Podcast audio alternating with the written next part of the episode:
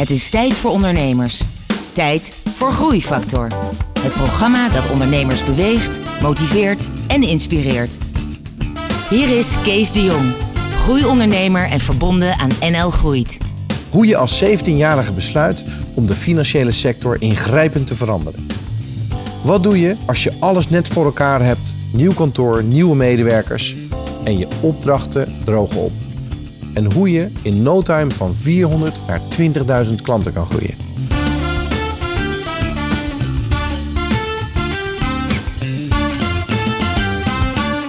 Hallo en welkom bij een nieuwe aflevering van Groeifactor. Het programma dat ondernemers beweegt, motiveert en inspireert. Met veel muziek en een openhartig gesprek met een inspirerende ondernemer. En in deze aflevering is dat Wesley van het Hof. Wesley, welkom. Dankjewel. Jij bent oprichter van het bedrijf Hoffelijk. Ja, klopt. Nou, gaan we het straks over hebben. Je hoogtepunten, je dieptepunten en hoe je daarmee om bent gegaan.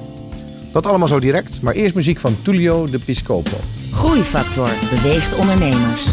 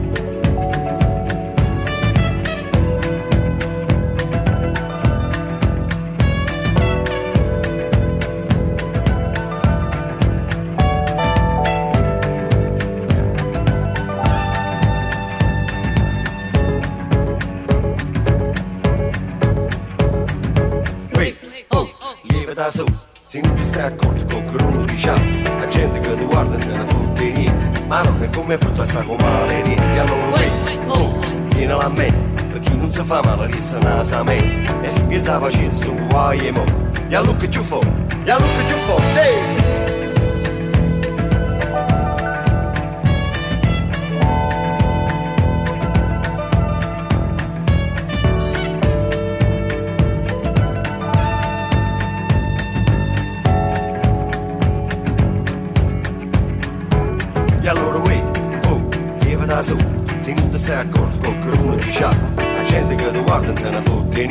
Ma non è come butta sta con male niente E allora uè, oh, va da nanzi Stanotte a giorno muto senza male i panzi Qualcosa di mangiata che t'ha fatta male Tenga televisione 36 canali. Si parlano tutti insieme soltanto capelli Ma quando scimma fuori sarà primavera. Ma quando scimma fuori sarà primavera. Ma quando scimma fuori sarà primavera. Primavera, primavera, primavera.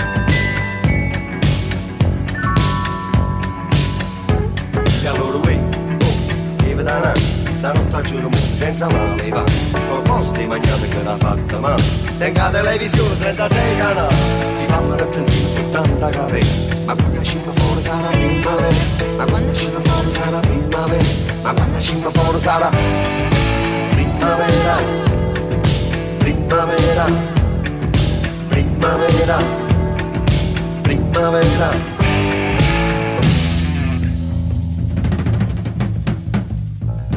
Wesley, jij bent oprichter van het bedrijf Hoffelijk. Ja, klopt. Trainingen, opleidingen. En jouw belangrijkste product zijn online opleidingen. En dan voornamelijk voor de verzekeringsbranche. Er zijn heel veel verplichte cursussen waar je een fantastische online omgeving voor hebt gecreëerd. Dat is het belangrijkste wat je doet. En wat doe je nog meer daarnaast? Ja, in principe dus financiële dienstverlening breed. Banken, verzekeraars, intermediair, hypotheekketens. Ehm, vooral inderdaad e-learning. Maar we hebben bijvoorbeeld daaromheen een heel academy concept ontwikkeld. Waarin we dus echt mensen continu duurzaam ontwikkelen. Er is een eis vanuit de wet op het financieel toezicht dat mensen permanent actueel moeten zijn. Permanent actueel vakbekwaam. Ze moeten eigenlijk real-time up-to-date zijn. En wij hebben een heel platform ontwikkeld waarin ze al die updates krijgen. Dus we hebben een vakredactie zitten. En die maken eigenlijk als er morgen iets uh, uitgesproken wordt door de Hoge Raad. Zit dat er overmorgen in met praktische tips, misschien een video of een animatie. En met wat oefenvragen, zodat je ook als deelnemer kan bekijken van ja, snap ik het nou? Als morgen een vraag door meneer Jansen aan mij gesteld wordt, snap ik dan de impact van dit Hoge Raadarrest? Ja. Eigenlijk kun je alleen maar iets veranderen als je continu met je vak bezig bent en continu die mensen faciliteert. Nou, dat kan dus niet fysiek, dat moet digitaal. Uh, enerzijds vanuit uh, kostenperspectief, maar ook vanuit kwaliteitsperspectief. En zo zijn we dus dat, dat leermanagement systeem gaan ontwikkelen uh, in 2012, in 2013 uitgerold. En in 2014 werd het wettelijk verplicht om iets dergelijks te doen. En toen bam, zat jij met het juiste product op de juiste plek. Ja. En voor je het weet doe je 10 à 15 miljoen omzet. Groei je eigenlijk tegen de klip op. Ja. En heb je eigenlijk een fantastische set van bedrijven eh, neergezet. Ja, want dat is, dat is inderdaad dan de, de, de opleider, om het zo maar te zeggen, in de financiële dienstverlening. Daaruit komt ook gewoon een interimvraag. Dus mensen zeggen op een gegeven moment, ja, goede training. Maar wie gaat het hier nou op de werkvloer doen? Kan iemand die voortrekkersrol pakken? Nou, daar kwam heel snel een detacheringsbehoefte uit. En hebben we een netwerk verzameld met zo'n 80 uh, eh, ZZP'ers vooral, eh, die, die wij goed kennen, uh, die wij bepaalde kwaliteiten toedichten en die wij matchen met onze opdrachtgever. Ja. Nou, dat is, dat is even gek gezegd uh, tak 2. Dan hebben we een examentak. Hè, al die mensen in die financiële sector die moeten ook examens afleggen. dat was eerst een soort van serviceproduct. we moeten gewoon een laptop, een locatie, een toezichthouder en het examen afspelen. Maar je merkt toch dat je daar ook weer het verschil kan maken. En hoe we daar het verschil maken, is doordat we een, uh, een touringcar hebben gekocht. 15 meter lang. Van binnen helemaal hebben eh, gestript. 20 uh, eh, examenplekken erin. En nu doen we dus echt voor de deur van mensen. we komen aangereden. Iedereen stapt in. 20 examens. Uur later stapt iedereen uit. En we rijden weer verder. Dat doen we. We auditen hypotheekadviezen mhm. voor, voor banken en hypotheekketens of de consument wel het juiste advies heeft gekregen. En eigenlijk, en dat is de laatste tak, en alles wat we doen, helpen we ook andere opleiders, maar ook bedrijven die zich als opleider willen gedragen mee in een white label variant.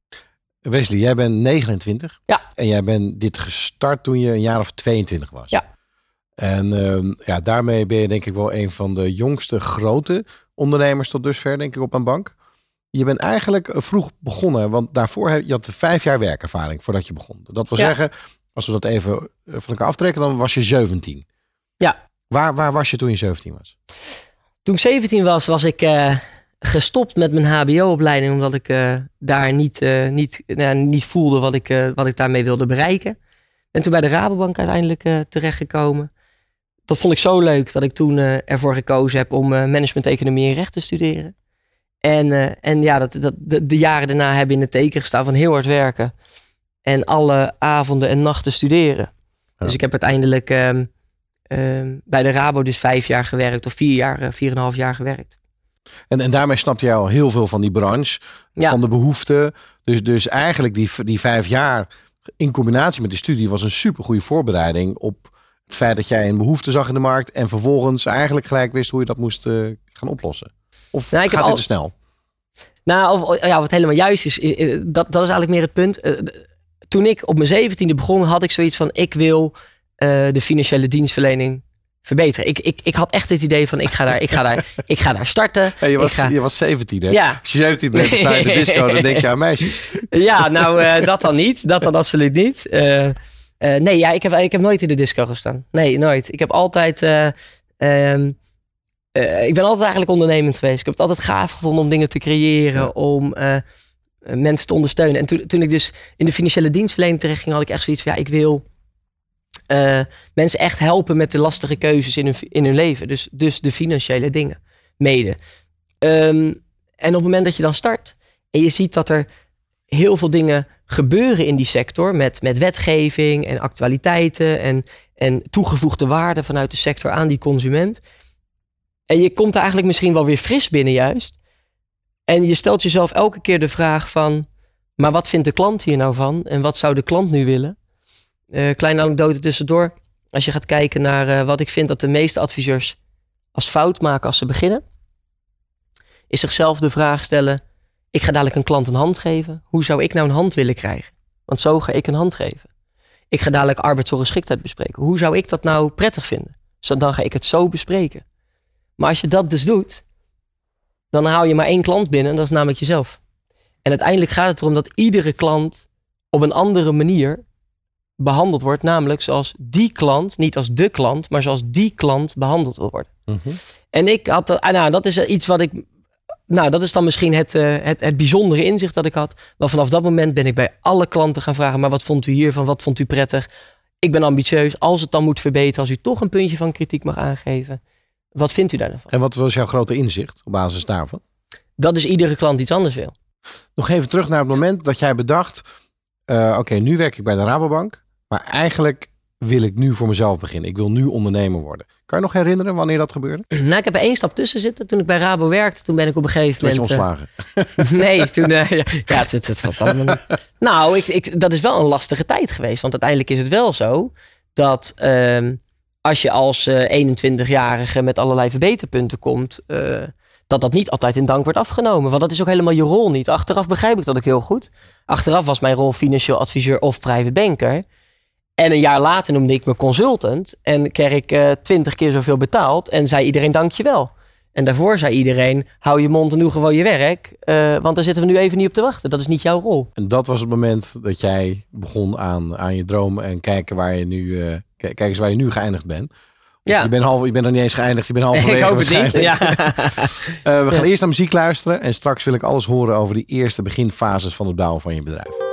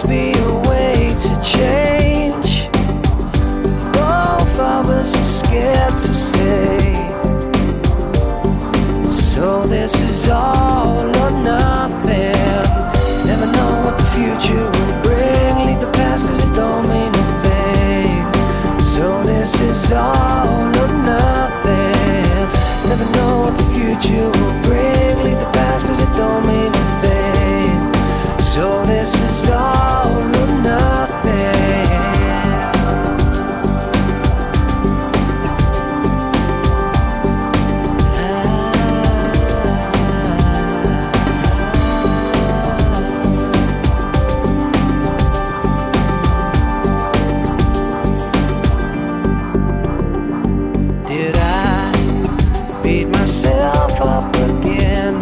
It all from my friends. Can you hear them whispering? There must be a better way. There must be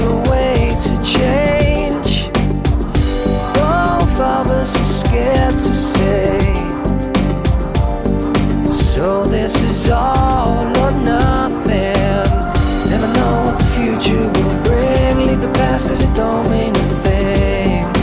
So this is all or nothing. Never know what the future will bring. Leave the past cause it don't mean a thing. So this is all or nothing.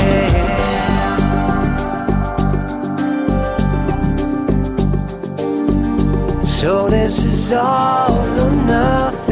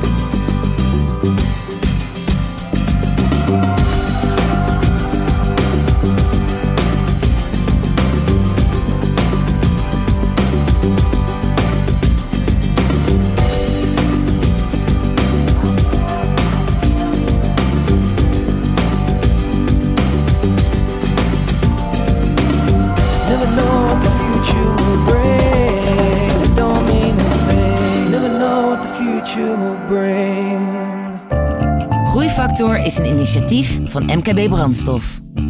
Ga naar mkbbrandstof.nl voor nog meer openhartige verhalen van inspirerende ondernemers. Groeifactor inspireert ondernemers.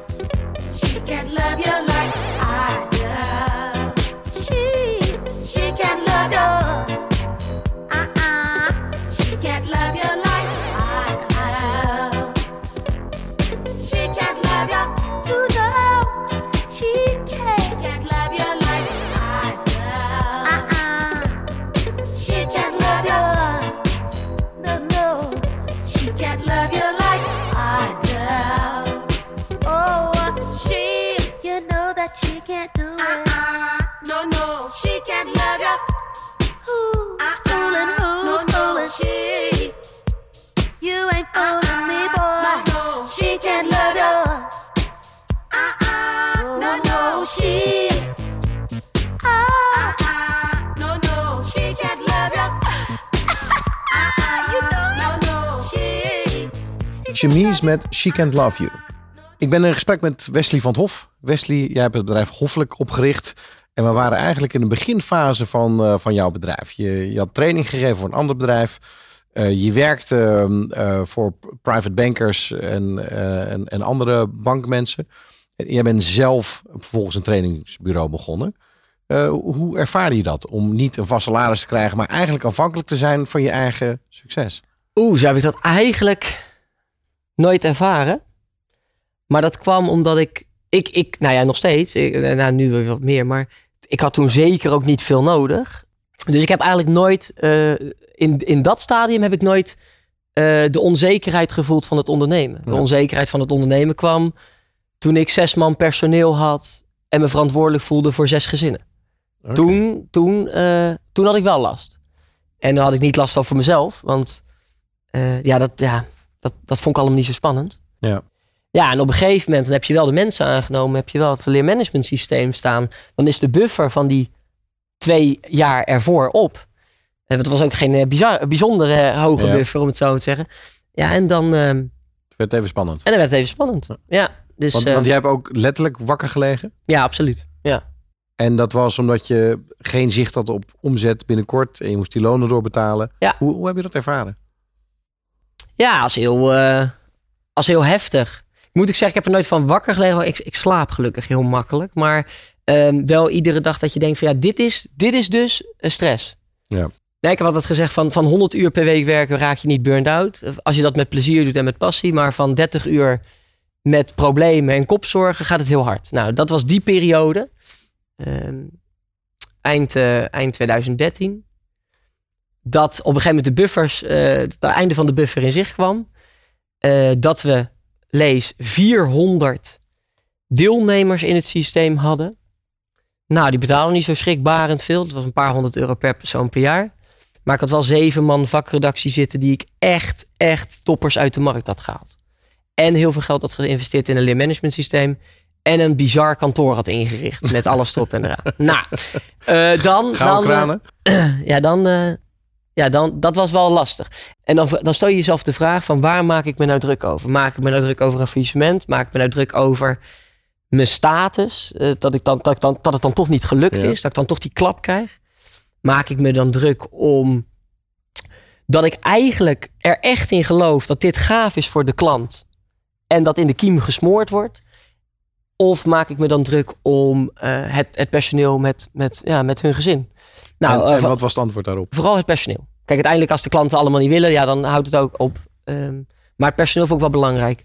Zie, En- zie, je- zie je die fase ook een beetje als jouw eh, dieptepunt van jou? Ja, ja absoluut. Dat is absoluut, eh, dat is absoluut het dieptepunt geweest. En wat, wat, wat merk je aan jezelf? Ben je met andere ondernemers gaan praten? Of werd je stiller? Heb je het gedeeld met je mensen? ik werd aanvankelijk stiller, dus ik ging zelf compenseren. Dus veel harder werken en, en, en er harder tegenaan. En eh, dan merk je ook dat je merkt dat waar je normaal mensen probeert te overtuigen met inspiratie, dat je mensen begint te overtuigen met verkooptrucjes. Nou, en dat, is, dat zat zo ver bij mij vandaan, dat ik toen echt dacht, ja, ik ben nu niet meer bezig met wat ik zelf gaaf vind. En dan gaat het hard. Nou, daar, zijn, daar is eigenlijk, ehm, daar heb ik op, en nou, ik zeg nu één dag, maar dat zou heel goed kunnen dat het inderdaad op één dag was. Op één dag heb ik ineens bedacht, nou, dit is dat inzicht. Dit moet ik dus niet meer doen. En toen ben ik met mijn personeel gaan praten. En toen heb ik eh, iedereen bij elkaar geroepen. Heb ik gezegd, jongens, ehm, we gaan de verkeerde kant op. Nou, iedereen zei, dat snappen wij ook wel. Want wij zien ook, ja, we ze al zijn niet lang. achterlijk. Hè? wij zien ook wel dat er niet zo heel veel klanten bellen. Hè? Ehm, nou, dat is mooi. Dus dat, eh, dan, ligt het, eh, dan ligt het open. Het gaat niet zo goed. Maar ehm, ja, wat gaan we doen, weet je? Kan er nog een, kan er nog een, een tandje bij? Weet je, want we willen wel, maar kunnen we ook nog? Kunnen we nog een tandje erbij? En geloven we er ook nog in? Of moeten we nu redden wat er te redden valt? Voor jullie allemaal nog een paar maanden salaris en een andere baan zoeken. Eh, voor mij geen extra schulden aangaan. Want het, het moment was echt aangekomen dat ik een, een persoonlijke lening moest sluiten. Met persoonlijke borg. Om er nog als laatste keer in te pompen. En toen zei ik, ja weet je, ehm, hoe zien we dat? En toen zeiden ze eigenlijk allemaal... Wesley, we zijn hier gaan werken. Eén, omdat we erin geloven. Twee, omdat we in jou geloven. En drie, ook omdat we in onszelf geloven. Als wij morgen op straat staan, hebben we overmorgen een baan. Wij, wij werken hier niet omdat we werk zochten. We werken hier omdat we hier willen werken. En we kunnen ook morgen ergens anders werken. Ja. Dus ga die... haal- Maar, en, haal- en, ja. en ze werkte erom om dat voor jou. ja, En, en dat was natuurlijk ook wel een inzicht van jou. Ja. Van toen jij merkte dat jij niet meer eerlijk was naar jouw mensen. Ja. Omdat je, dus dat was ook wel een, een mooi moment, denk ik. Ja, absoluut. Dus dat, dat gaf echt enorm veel energie. En eh, toen viel die last dus van mijn schouders af. En dan merk je dat je daarna weer durft om een deal niet aan te pakken. Als je er niet in gelooft. En, want dat, dat staat op een gegeven moment onder druk. Dat je op een gegeven moment denkt, ja, ik moet nu die deal maar binnenhalen. Dan maar tegen dumptarieven. Of dan maar iets beloven wat we misschien niet kunnen waarmaken. Nou, dat heb ik gelukkig nooit gedaan. Maar dat, dat moment dreigt wel te komen. En dan denk je, ja, dat is niet liever, liever failliet dan die kant op. En op het moment dat je het eigenlijk dan weer dat loslaat, dan straal je ook weer uit van we staan voor kwaliteit en we zijn gepassioneerd en we willen weer.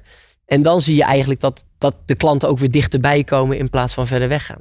Ja, en dat was een heel, heel bijzonder moment. En, eh, en dus ook eh, eh, een enorme les.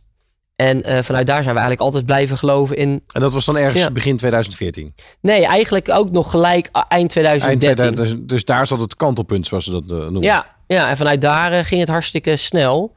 Hè, want bijvoorbeeld eind 2013 hadden we dus 400 mensen in onze systemen. En nu zijn dat er 20.000. Dus dat is ja, een enorm eh, verschil met hoe het geloopt. Oké, van 400 naar 20.000. Ja. Dat, dat is een bijzonder verhaal. Ja. Ik ben bijzonder geïnteresseerd in wat nou de groeifactor was. Het programma heet niet voor niks groeifactor. Maar wat was nou hetgene waardoor jouw bedrijf zo'n enorme versnelling kon doormaken? Gaan we het straks met elkaar over hebben. Maar eerst muziek. Factor 15 met Summer Love. Summer love. Is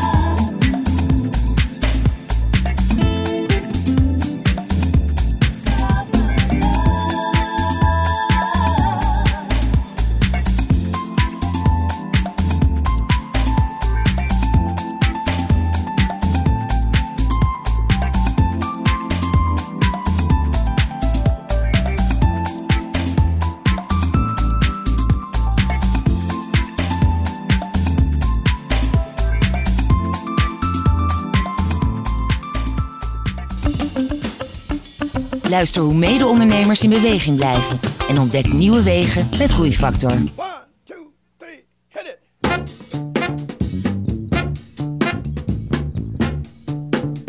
Watch me! Watch me! I got it! Watch me! I got it! Hey!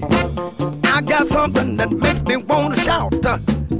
I got something that tells me what it's all about.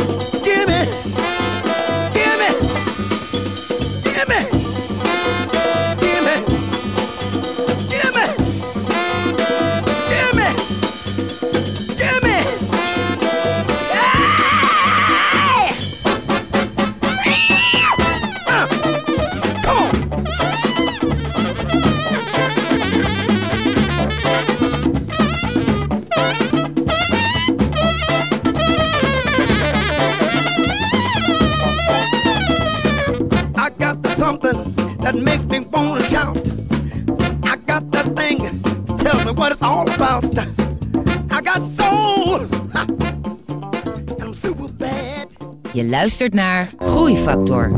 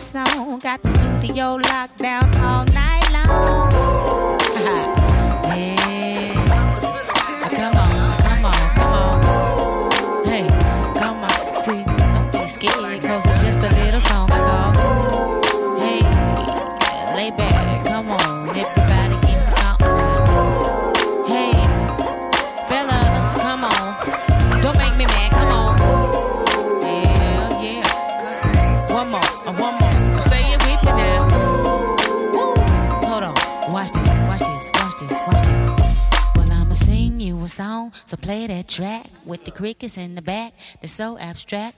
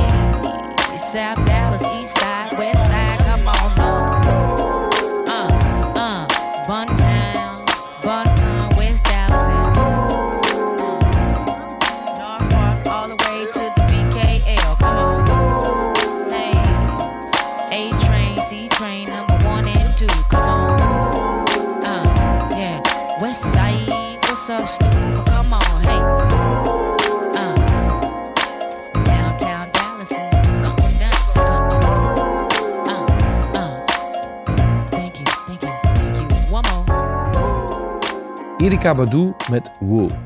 Ik ben in gesprek met Wesley van het Hof van het eh, bureau Hoffelijk. Eh, Hoffelijk is eh, expert in leermanagement systemen, online leeromgevingen.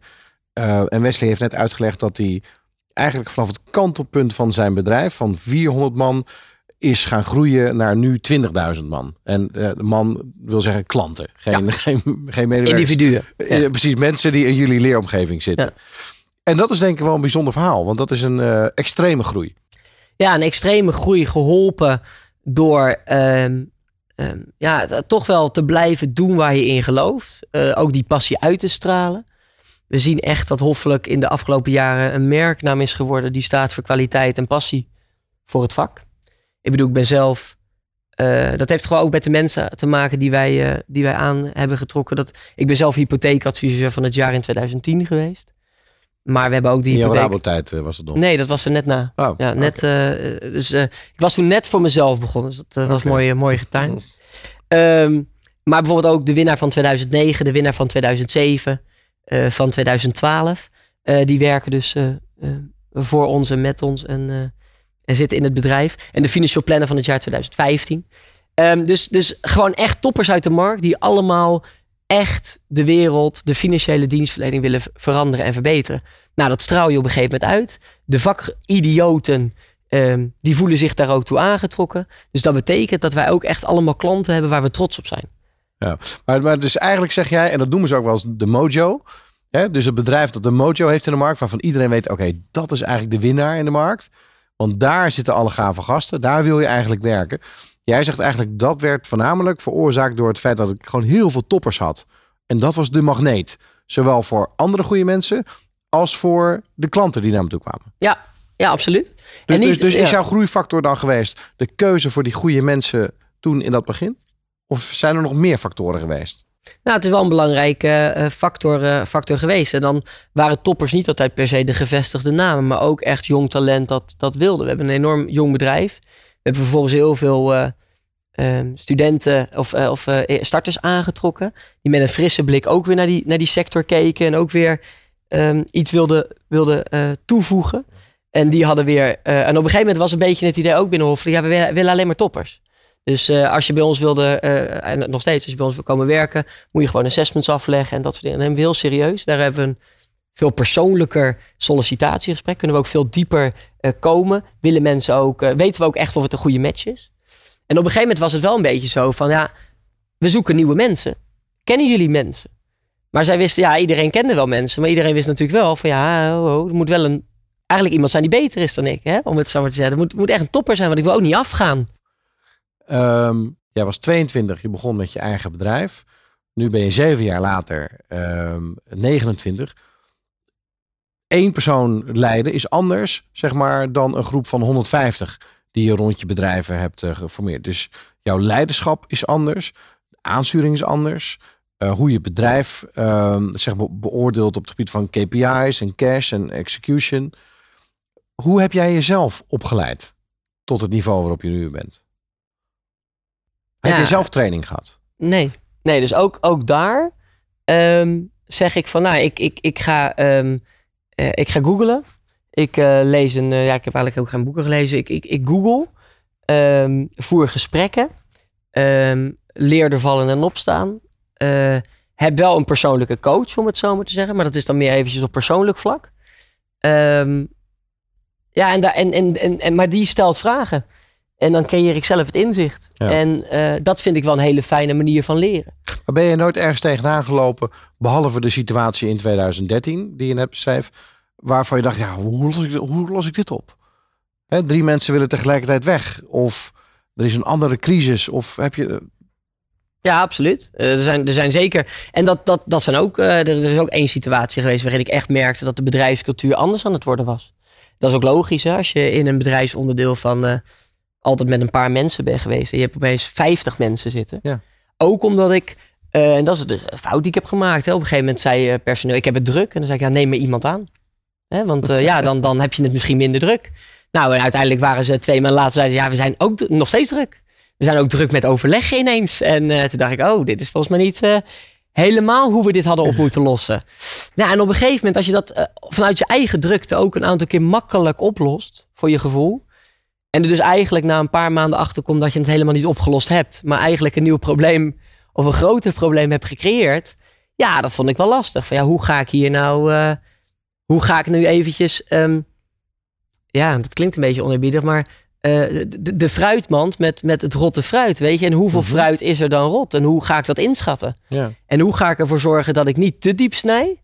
Dat ik ook goed fruit weg ga gooien. Maar hoe ga ik er ook vooral voor zorgen dat er niet nog ergens een klein stukje rot fruit blijft zitten die de rest weer infecteert? Nou, maar als ik dan kijk hoe ik dat, ja, dat, dat heb ik ook niet opgelost met coaching of met gesprekken. Ik heb, ik heb met een aantal vertrouwelingen binnen het bedrijf gezeten van, ja, zie jij nou ook wat ik zie? Hè? Of eigenlijk open gevraagd, wat zie jij? Nou, dat bleek eigenlijk ehm, totaal ook weer eh, hetzelfde te zijn. Dus dat ik dacht, ja, weet je, ik, dit is weer een probleem dat ik heb. Maar er zijn heel veel mensen binnen mijn bedrijf die precies dat probleem zien. Nou ja, even heel bot gezegd, eh, personeelsbestand erbij. Een groepje geformeerd met vier of vijf mensen. Ehm, over iedereen aangegeven wat de plus- en minpunten zijn. Persoonlijke ontwikkelplannen opgesteld. En bij een aantal gezegd van ja, weet je, aan een dood paard moet je niet trekken. En eh, dat, dat gaan we anders oplossen. Ja, en dan komt wel de vraag, ja, ho, ho. Je gooit er nu een hele afdeling in één keer uit. En wie gaat dat dan oplossen, wetende dat we al de hele tijd roepen dat we het super druk hebben. Ja, en toen zei ik, nou, dat, ja, dat, dat lossen we met elkaar op. We gaan dat, dan werken we vanavond door. Dat ik, hoe dan ook, we gaan dat oplossen. Maar ik ga ze niet laten zitten Ja. om ze te laten zitten. Nou ja, en dat... ehm, ja, dus ook, ook ja, in dat soort situaties is het niet zo dat er dan een, een coach of een boek of, of eh, hoe ga je om met slecht personeel of hoe ga je om met minder functionerend personeel. Ja, dat is ook gewoon een beetje op gevoel. Ja. En eh, Maar jouw gevoel heeft je niet in de steek gelaten. nee, gelukkig niet. Ik ga je Nee. straks vragen eh, waar je het meeste trots op bent. En er zijn heel veel dingen volgens mij voor jou om trots op te zijn. We luisteren eerst even naar muziek.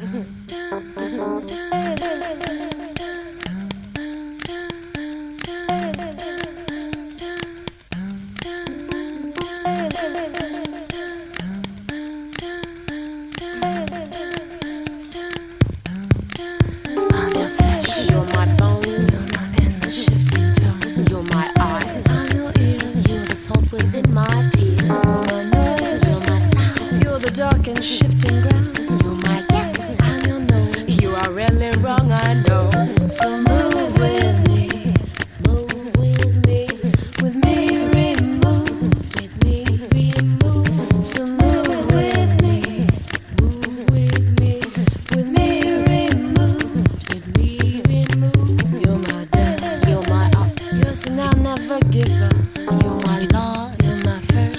my good luck at my worst. You're my love. You're my pain. You see green when I see gray. But you're my bad. And I'm your good. there are words misunderstood. So move with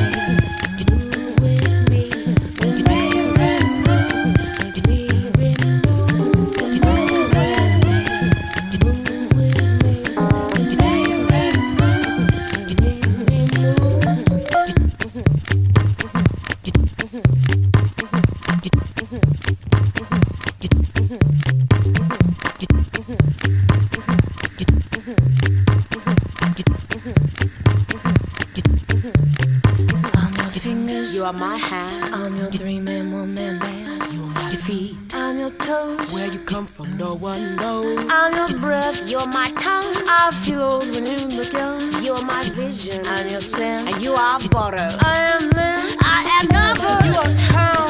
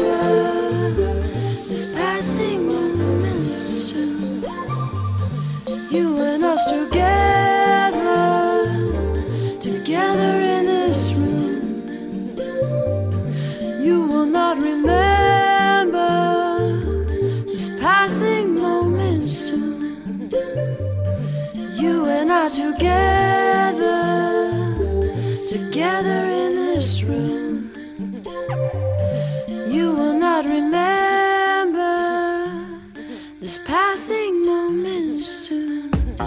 Je luistert naar Groeifactor. Het programma dat ondernemers beweegt, motiveert en inspireert.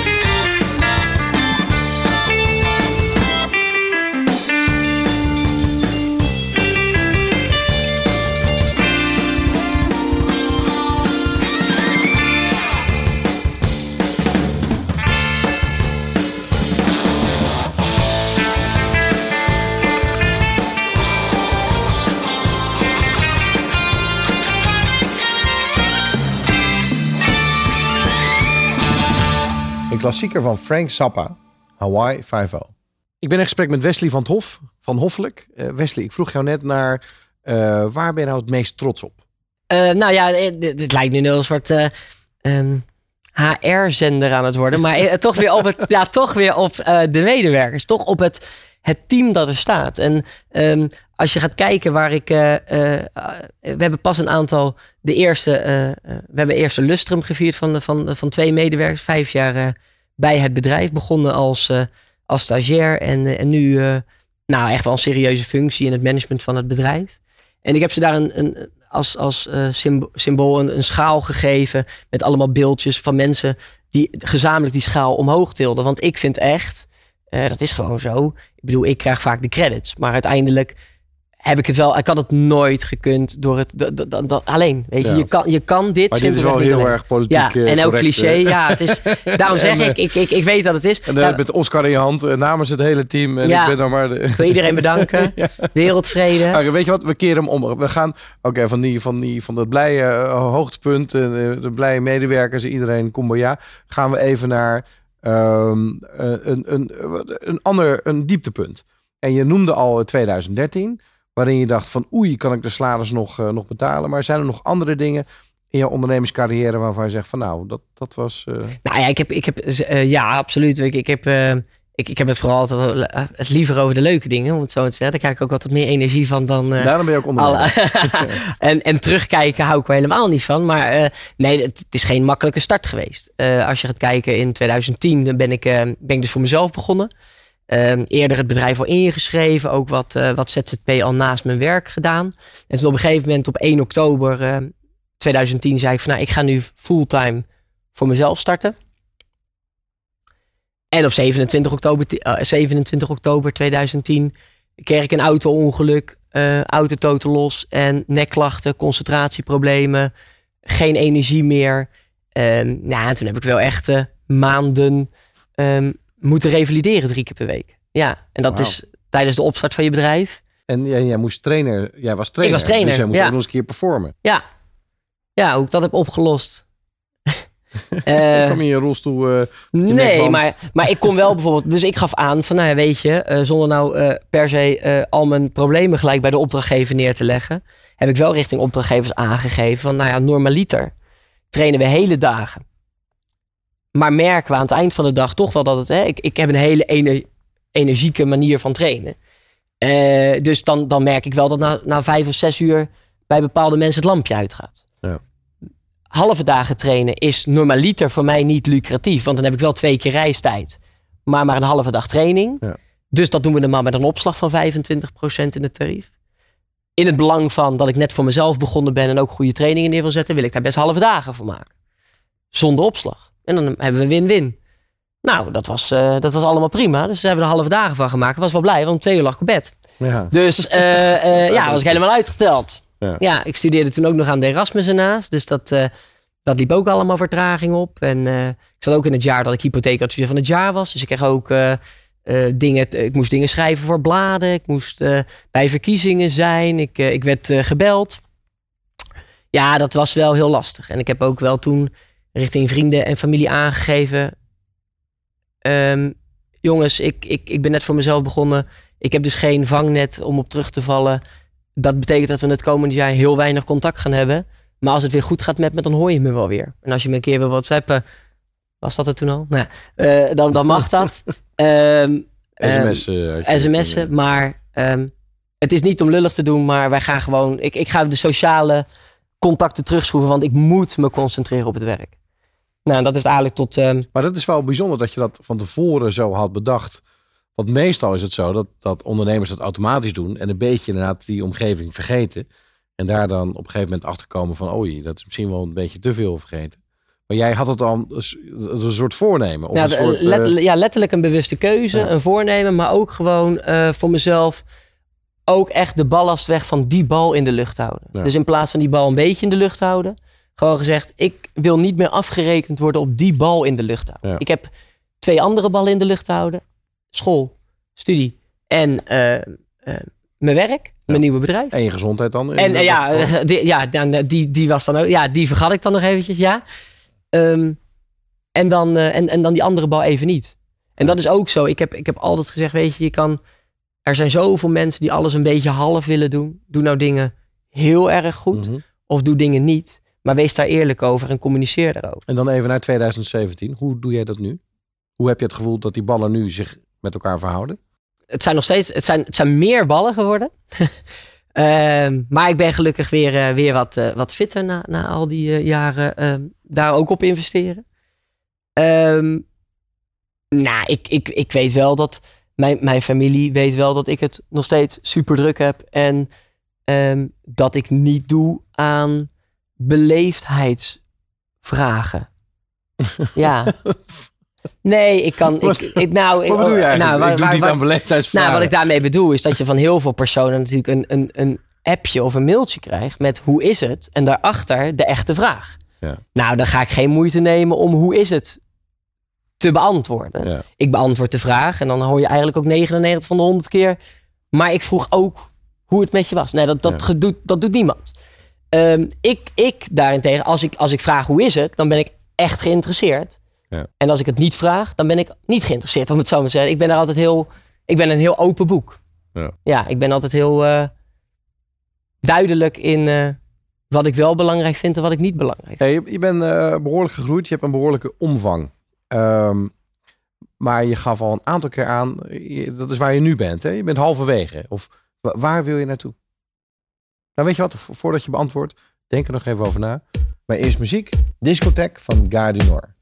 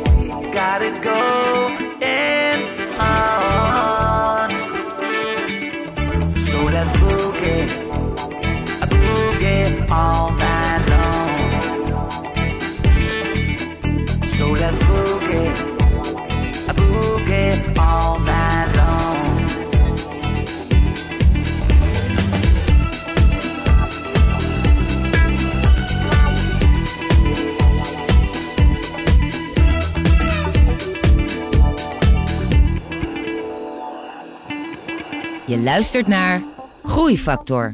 Het inspiratieplatform dat ondernemers beweegt, motiveert en inspireert.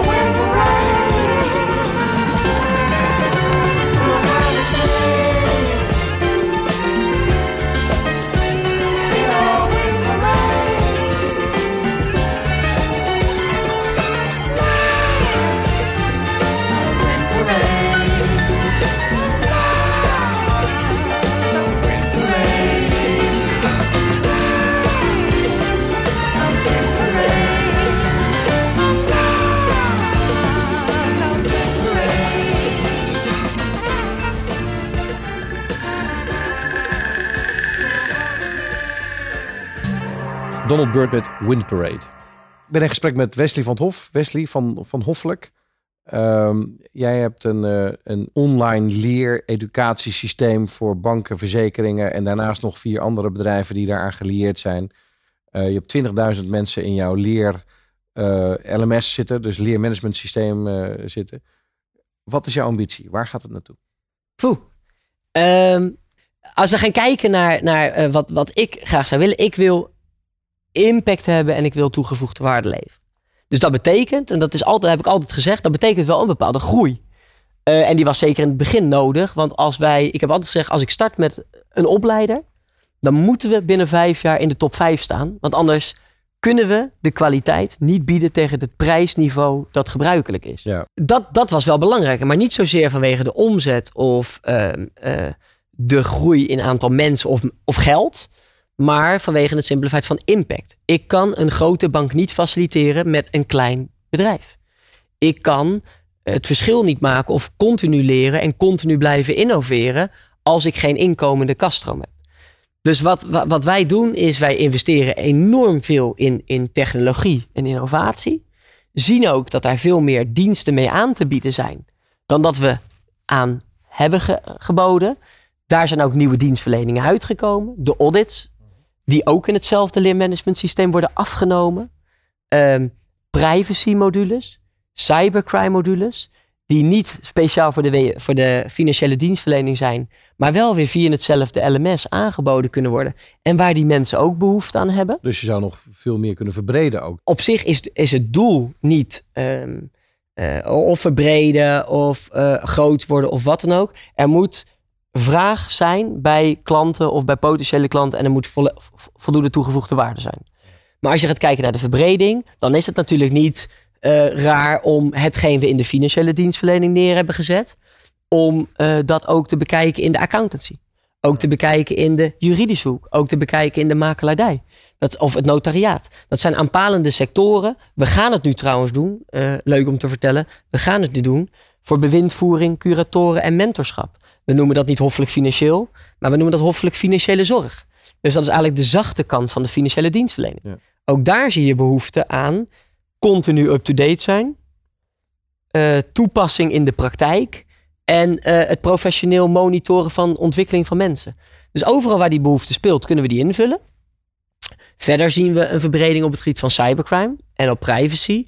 Met- andere woorden, inderdaad, die potentie daar voor jou, voor jouw bedrijf is, is nog enorm. Zeker. Ehm, en dan hebben we het alleen over Nederland. En dan, Ja. wie weet. Ik, ik wil nog even stilstaan bij jou als, eh, als ondernemer. Je hebt met name de laatste paar jaar een e- extreme ontwikkeling doorgemaakt.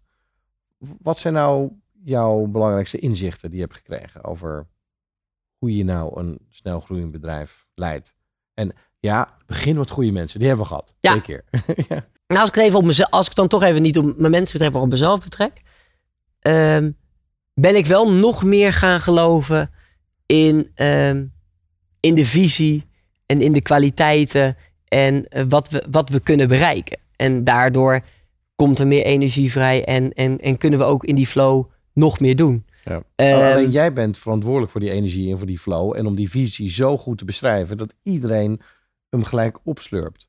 Ja, maar er komen ook steeds, natuurlijk, er komen natuurlijk ook steeds meer ideeën van de mensen die al een tijdje bij ons werken.